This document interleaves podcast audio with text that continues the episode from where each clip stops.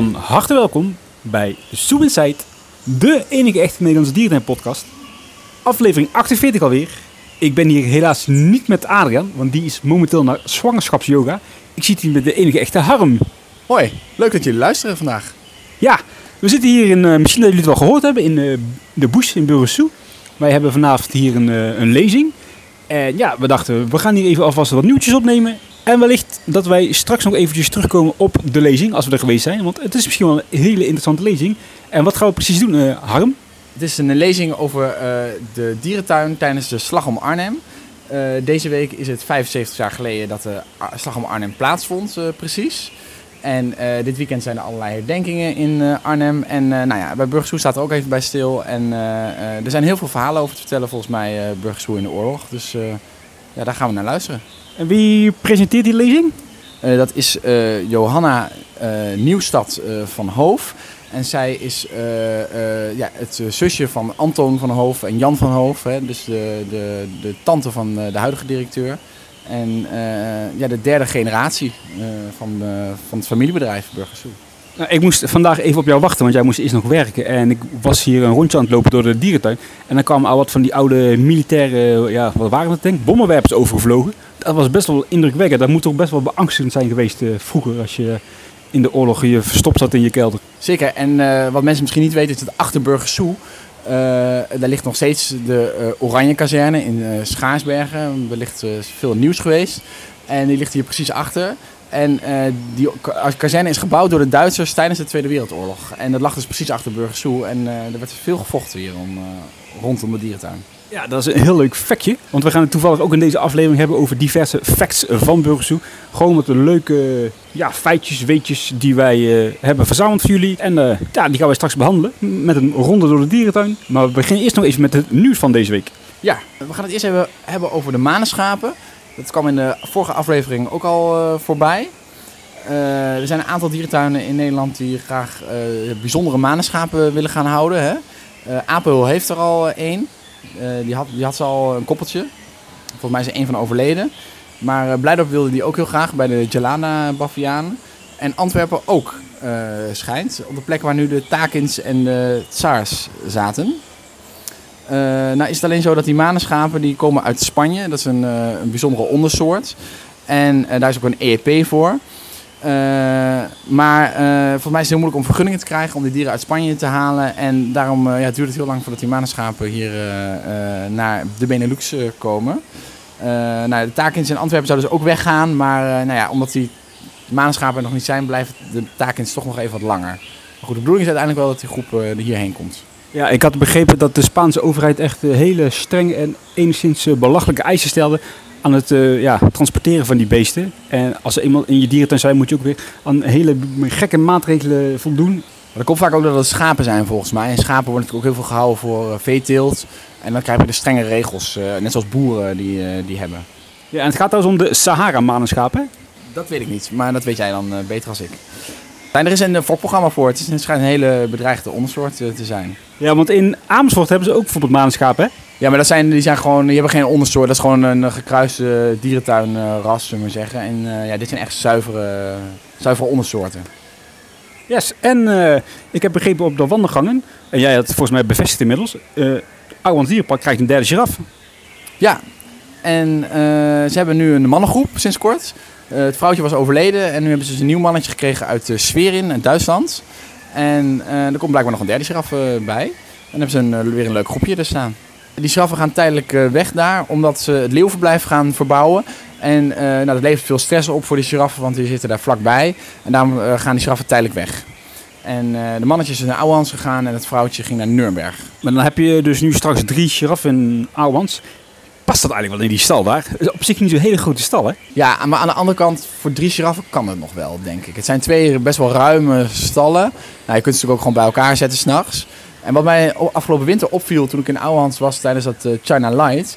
Uh, dat was het s'avonds in de winter en uh, die giraf stond toen gewoon buiten. Die kon zelf kiezen of hij binnen buiten wilde. Dus ik denk dat de giraffen daar ook niet echt iedere nacht daar opgesloten zitten in dat binnenverblijf. Dus. En ze hebben een afdakje buiten. Ja, dat, dat is wel weer waar, ja. hey, nu we hier toch in Burgersoe zijn. Ik stond net bij die olifant te kijken. Of bij de olifanten, want de nieuwe koers...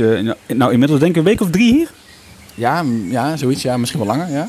En ze staan nog steeds apart. En wat ik wel een beetje heb vernomen hier en daar is dat het niet echt heel erg succesvol gaat momenteel. Hè? Nee, ja, die eh, zijn natuurlijk oudere olifanten. En eh, Pinky, de olifant die hier al stond, dat was natuurlijk de dominante koe, hè, de, de leider van de, van de groep, of van het tweetal eigenlijk. En eh, ja, die nieuwe olifant die, schijnt hij niet echt te accepteren.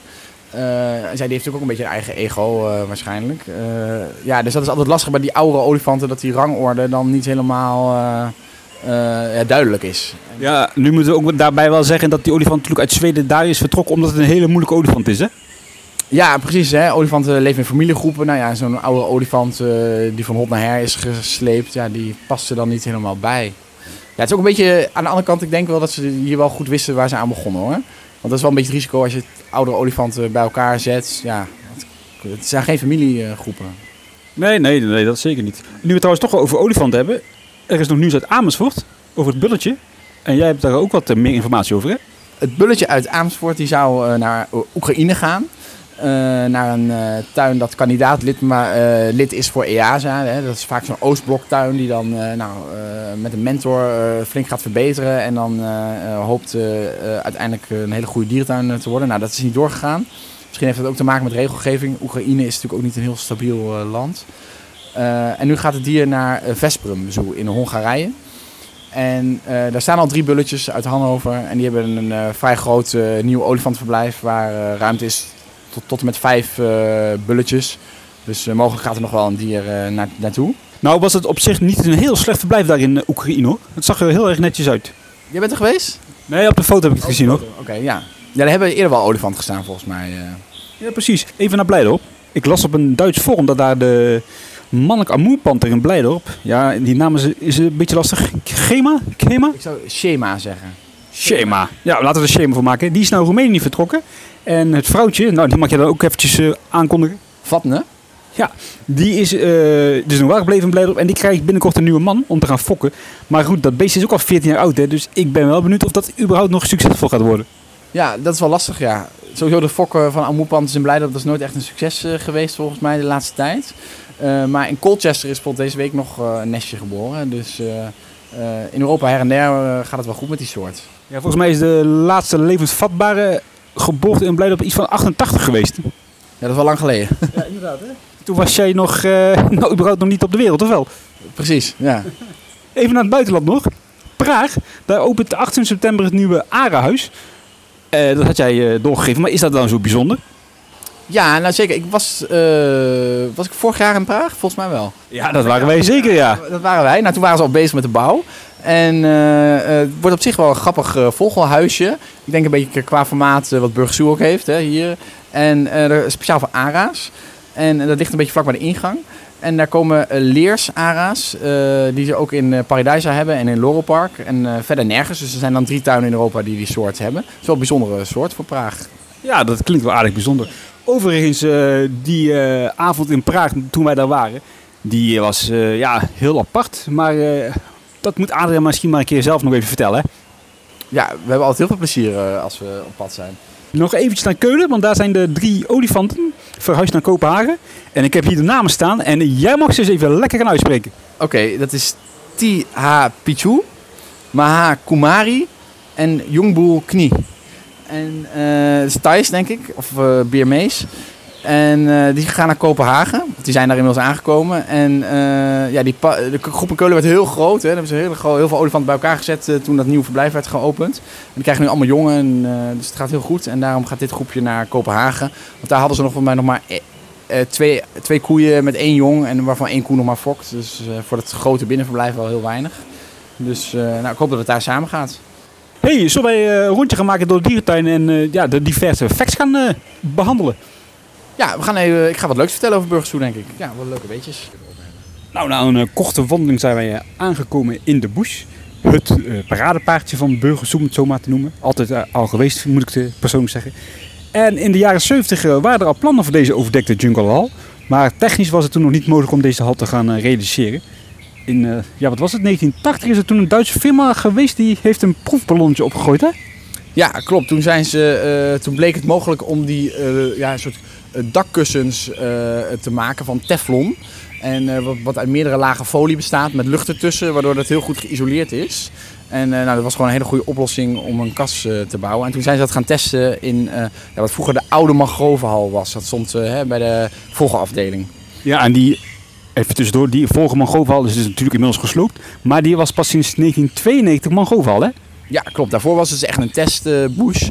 Een klein halletje met uh, vogels, maar ook wat keimannen. En, uh, en werd ook een beetje geëxperimenteerd met tropische beplanting. Burgersoe had toen helemaal geen ervaring met uh, vissen en ja, reptielen en dat soort dieren. Dus het was handig om dat daar een beetje uit te, te vogelen. Ja, nou goed, de test is geslaagd, kunnen we inmiddels zeggen. Want we staan nu in deze prachtige bush. De bouw van de bush is toen gestart in 1986. En in 1988, nee 1988 ja, ik zeg het goed. In 1988 opende deze hal. En wat wel een leuk uh, is, wij staan hier nu bij nog een origineel stukje Hagenbeckrots.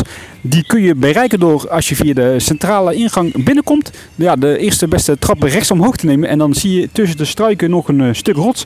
En dat is een echt oud stukje Hagenbeckrots, hè Harm? Ja, dat is eigenlijk de enige, enige stuk Hagenbeckrots wat er nu nog is. Het is een stalletje geweest voor de uh, nelgaus en de edelherten.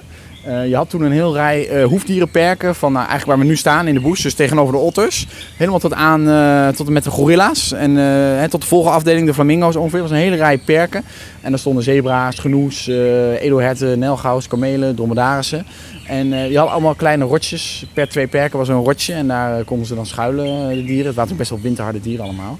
En nou, dit rotje is nog over. Het is wel helemaal overwoekerd, dus je moet heel goed kijken. En uh, het is hol van binnen. Hè. Vroeger was het een stal. Dus nu zitten er voor mij vleermuizen ook echt in. Uh, en heel veel leguanen zitten er vaak op uh, om het zonnen. Het zit vlak onder het dak. Ja, en ook wel even leuk om te vertellen. Deze rots was toen de tijd eigenlijk een beetje de oorspronkelijke hoogte. En als je dan je omdraait, dan zie je dat de rest een stuk lager ligt. En dat is allemaal afgegraven, hè? Ja, klopt. Ja, het is allemaal afgegraven. Ja, we staan nu, zoals je misschien wel hoort, in de buurt van de waterval. Bij het bassin waar de zee, koeien hebben gezeten. En misschien wel een leuk detail die zeekoeien die waren officieel niet gepland om uh, in de bush gehuisvest te gaan worden. Hetgeen je misschien ook wel kan terugzien aan het verblijf, want het is op zich niet echt heel erg prettig om zeekoeien hierin te kunnen bekijken. Klopt dat, Harm? Nou, de zeekoeien die hier kwamen, uh, Burgersoe was de derde tuin die ze kregen in Europa. En uh, ze zaten verder alleen nog in Nuremberg en Artis. Goed, dat waren ook geen grote bassins in die tijd.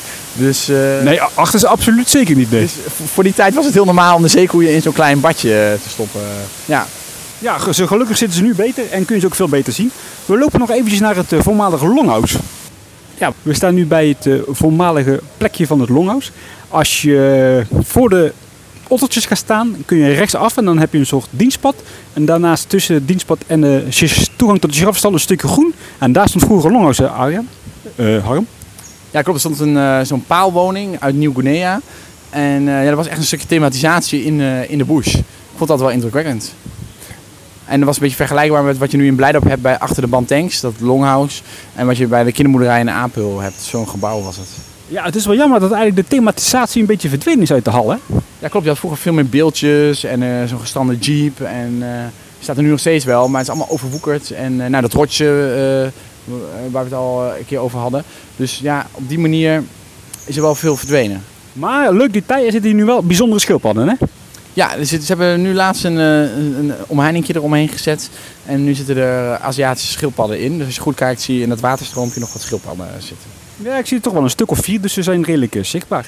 hey, volgens mij was dit wel wat betreft de Jungle Hall de Bush. Laten we naar onze volgende locatie toe gaan. Ja.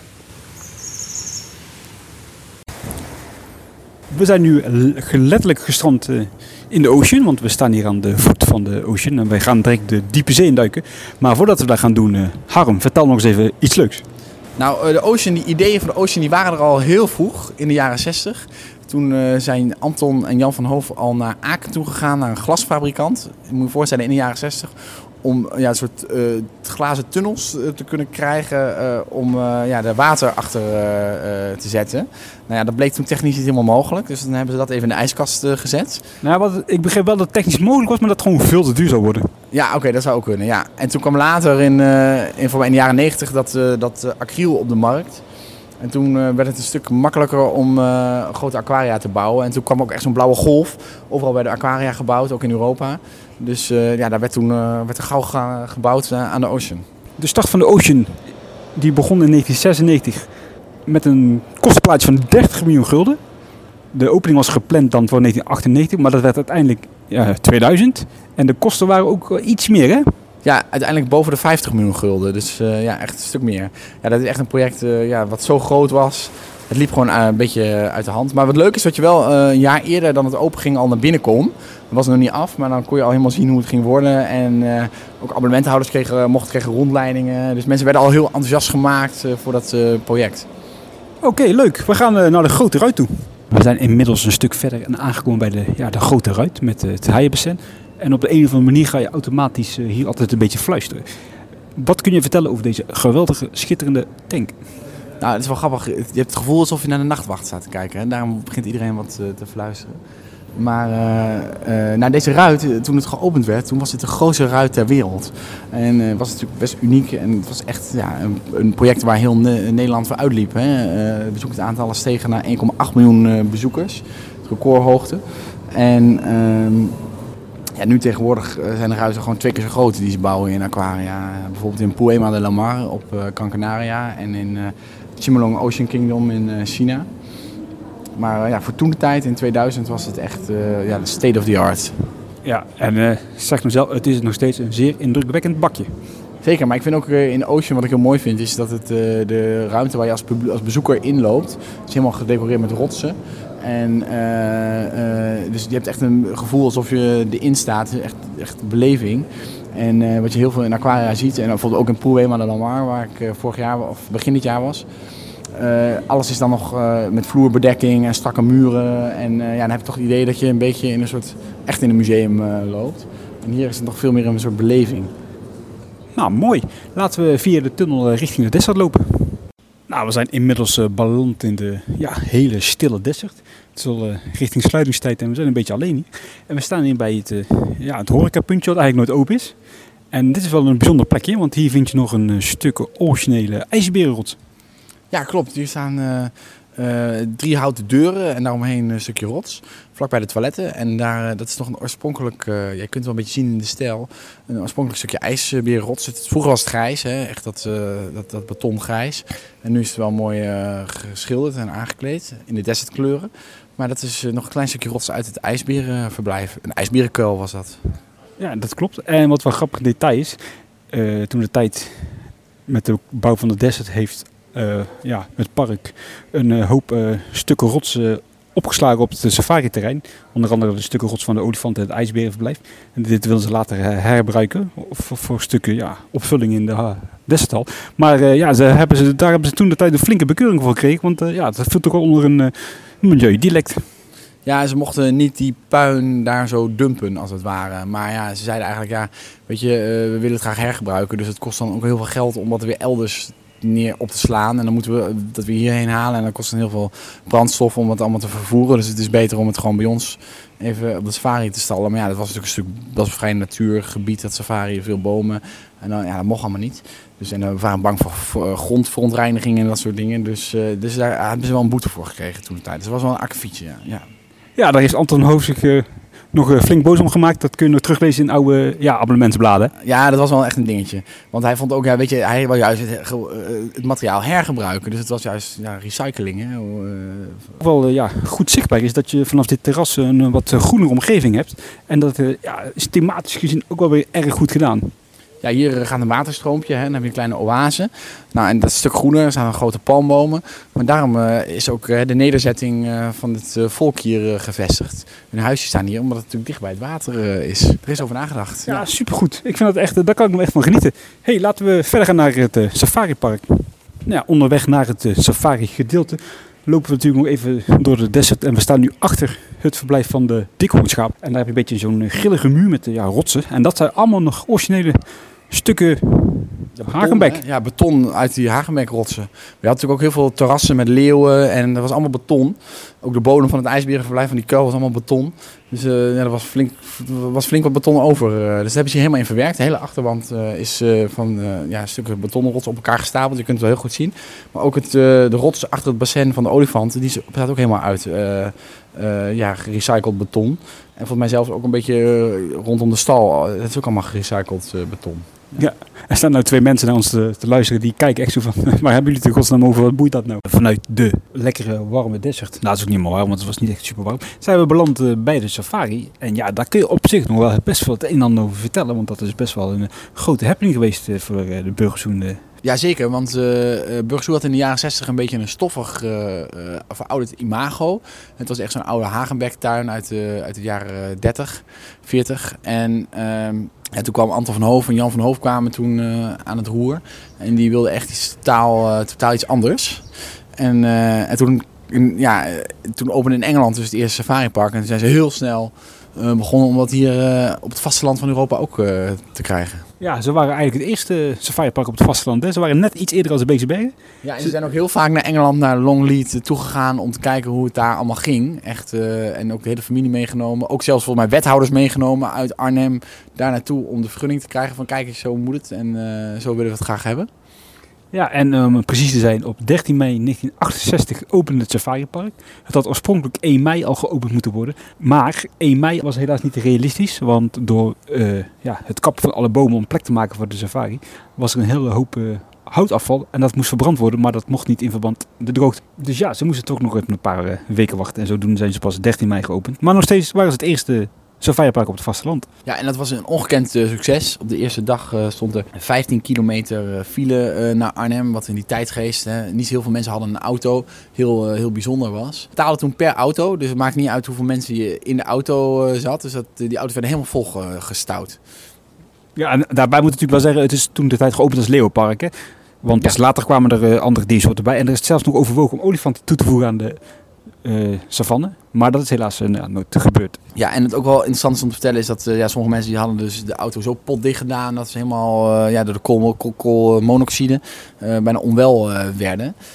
Ja, dat was een, het waren bijzondere tafereelen hier op de safari. Ja, alles was natuurlijk nieuw. Hè? Ja, en in 1975 deed toen het ja, iconische safari-treintje zijn intrede.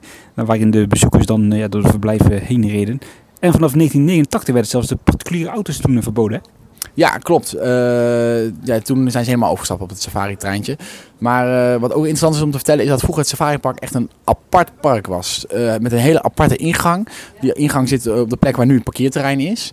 En het dierenpark was echt een helemaal losstaand gedeelte. En daar, de ingang daarvan zat natuurlijk helemaal aan de andere kant waar nu de mangrove staat. Helemaal aan de andere kant van het park. Het waren echt twee losse parken. Je betaalde apart entree.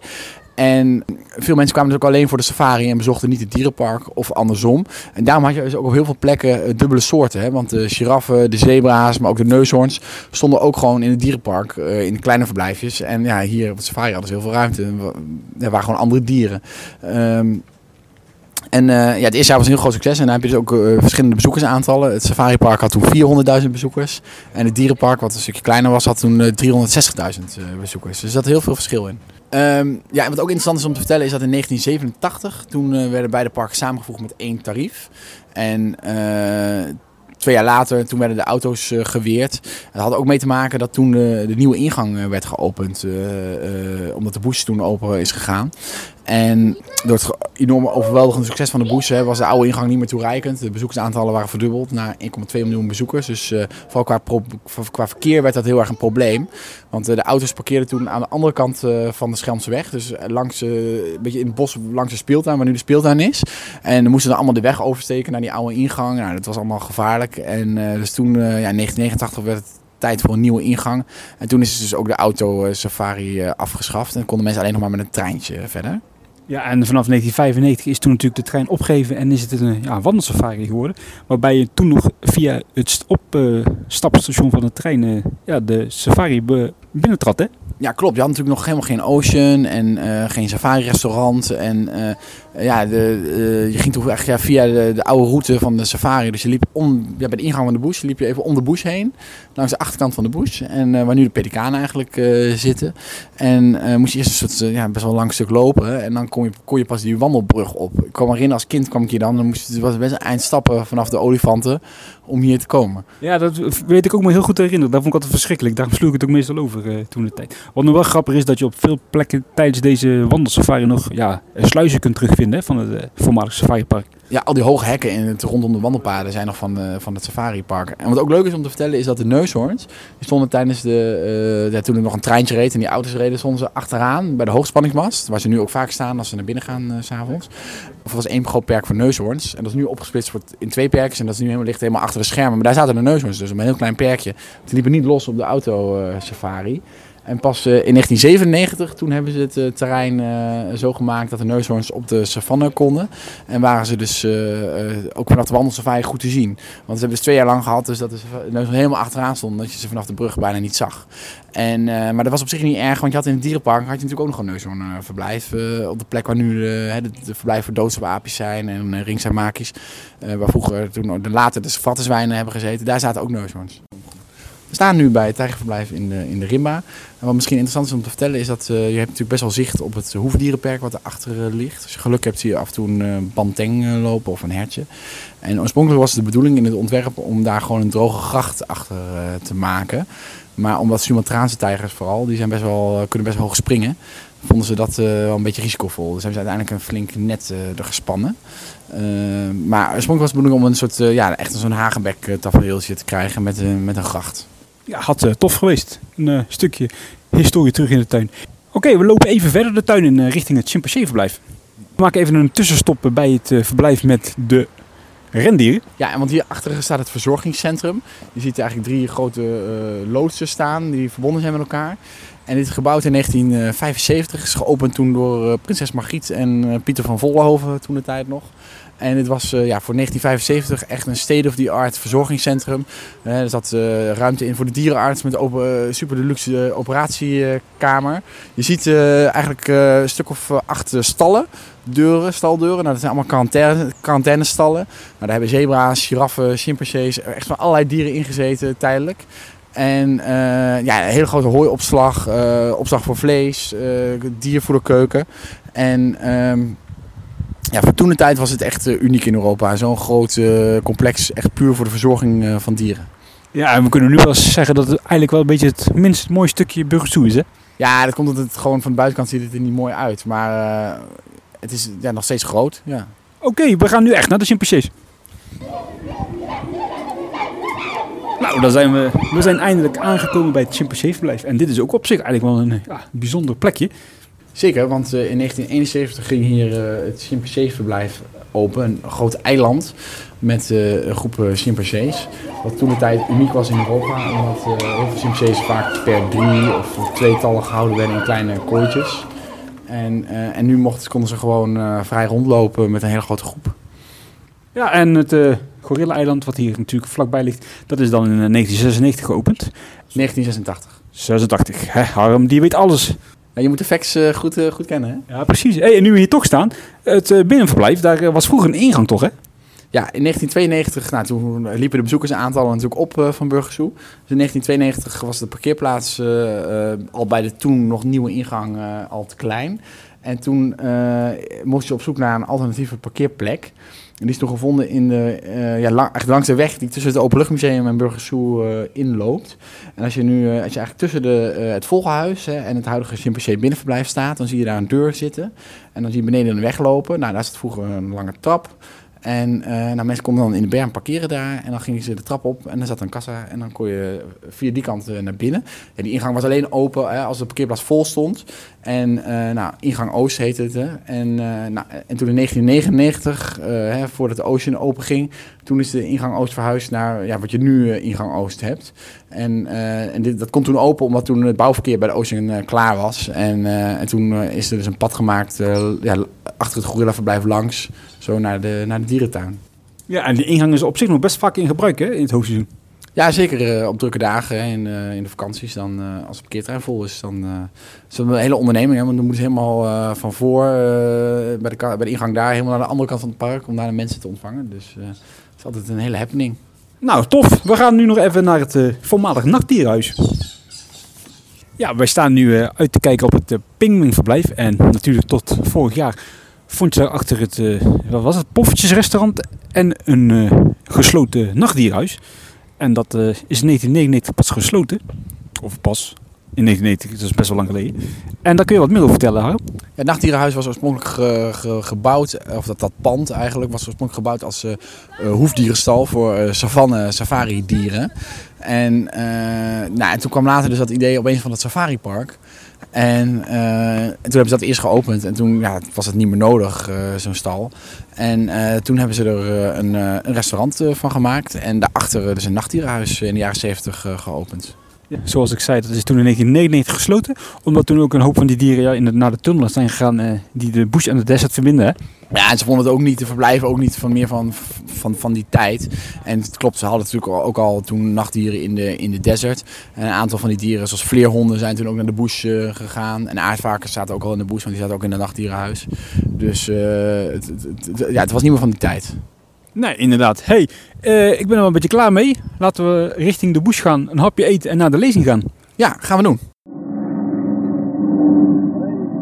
Nu de geallieerde legers op uw grondgebied staan en bij hun operaties ook door Nederlandse commandotroepen worden gesteund, zijn uw volledige bijstand en gehoorzaamheid aan de bevelen van de opperbevelhebber onmisbaar voor de spoedige bevrijding van Nederland. Wij hebben zojuist de lezing bijgewoond en het was een erg interessante lezing. Ja. Of niet, Harm? Zeker, ik vond het ook indrukwekkend. Bijzondere verhalen. En eh, ja, de Burgersoe lag echt midden in, eh, in het slagveld. Tussen eh, enerzijds de Rijn en aan de achterkant van Burgersoe zat een vliegveld, Delen. En ja, dat, daartussen lag Burgersoe, dus ze zaten in de volle laag van de oorlog.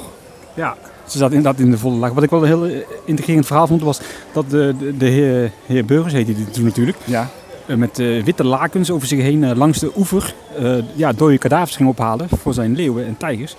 En ja, dat was op zich natuurlijk wel erg risicovol, want aan de andere kant zaten de ge- geallieerden. precies. En, eh, want ze, hadden, ze gingen de oorlog in met eh, 25 eh, l- eh, leeuwen. En eigenlijk waren het er nog meer, maar goed, die hebben ze nog kunnen slijten aan circussen, particulieren. Eh, want ze maakten zich ook wel een beetje zorgen toen de oorlog begon. eh, van ja, hoe krijgen we al die, eh, al die dieren, hoe, hoe krijgen die te eten? En ehm, nou was het zo dat de eerste paar jaar van de oorlog was het eigenlijk heel rustig eh, bij Burgersoe. Omdat eh, de oorlog, eh, de slag om Arnhem was pas aan het eind van, een beetje aan het eind van de oorlog. Heel veel dingen van vrije tijd was beperkt door de Duitsers. Dus ja, de dierentuin was open, dus dat was het te doen. Dus daarom kwamen er best wel veel mensen naar de dierentuin. Dus de eerste paar jaar was heel goed. Alleen de zeedieren die hadden het heel moeilijk. Want eh, je, mocht geen, eh, je, je mocht niet meer zeevissen. En eh, ja, de zeeleeuwen en pinguïns hebben dat natuurlijk nodig. Dus die stierven al in eh 41, 42 in die winter. Ja, dat kwam inderdaad omdat ja, zeezoogdieren kunnen geen zoetwatervis eten blijkbaar, omdat er gewoon veel meer gaten in zitten. Ja, precies. En dus daarom ging ze helaas dood. En wat ik ook nog wel een heel triest verhaal vond, was dat inderdaad de, de, de laatste olifant, die is de dag voor de bevrijding eigenlijk overleden. Ja, de dag voor de bevrijding was, eh, eh, was eigenlijk de, gevechten het hevigst. En eh, ja, je had natuurlijk vroeger die Hagenbeck-rotsen allemaal, die grijze rotsen. Ja, die waren redelijk stevig gebouwd met beton. Dus die konden nog wel, alles wat ja, granaat was of kleiner, dat konden ze nog wel houden. Maar goed, de dag voor de bevrijding was de gevecht zo hevig dat de olifant die binnen stond toch nog stierf. En dat was één dag voor de bevrijding. En op de bevrijding zelf moesten ze dus die olifant eh, eh, ja, in stukken hakken en opvoeren aan eh, de leeuwen. Dus het was geen leuke bevrijdingsdag voor de Burgersoe. En wat ook nog wel interessant is om te weten, ze hadden twee olifanten toen ze de oorlog begonnen. Die kwamen van Circus Buglione.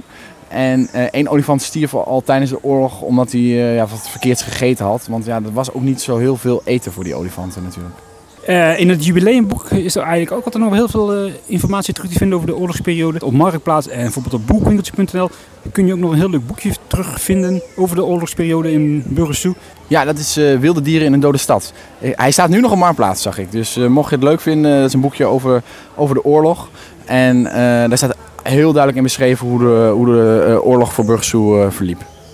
Ja, inderdaad. Ik ga naar huis. Ga jij nog de komende dagen wat festiviteiten rondom de bevrijding van Arnhem, of nou niet de bevrijding, de slag van Arnhem bezoeken? Ja, ik ga nog wel even naar de luchtlanding. Dat is uh, uh, dit weekend. En uh, dan landen al die parachutisten weer opnieuw op de hei. Oké, okay, tot de volgende keer. Ah, doei.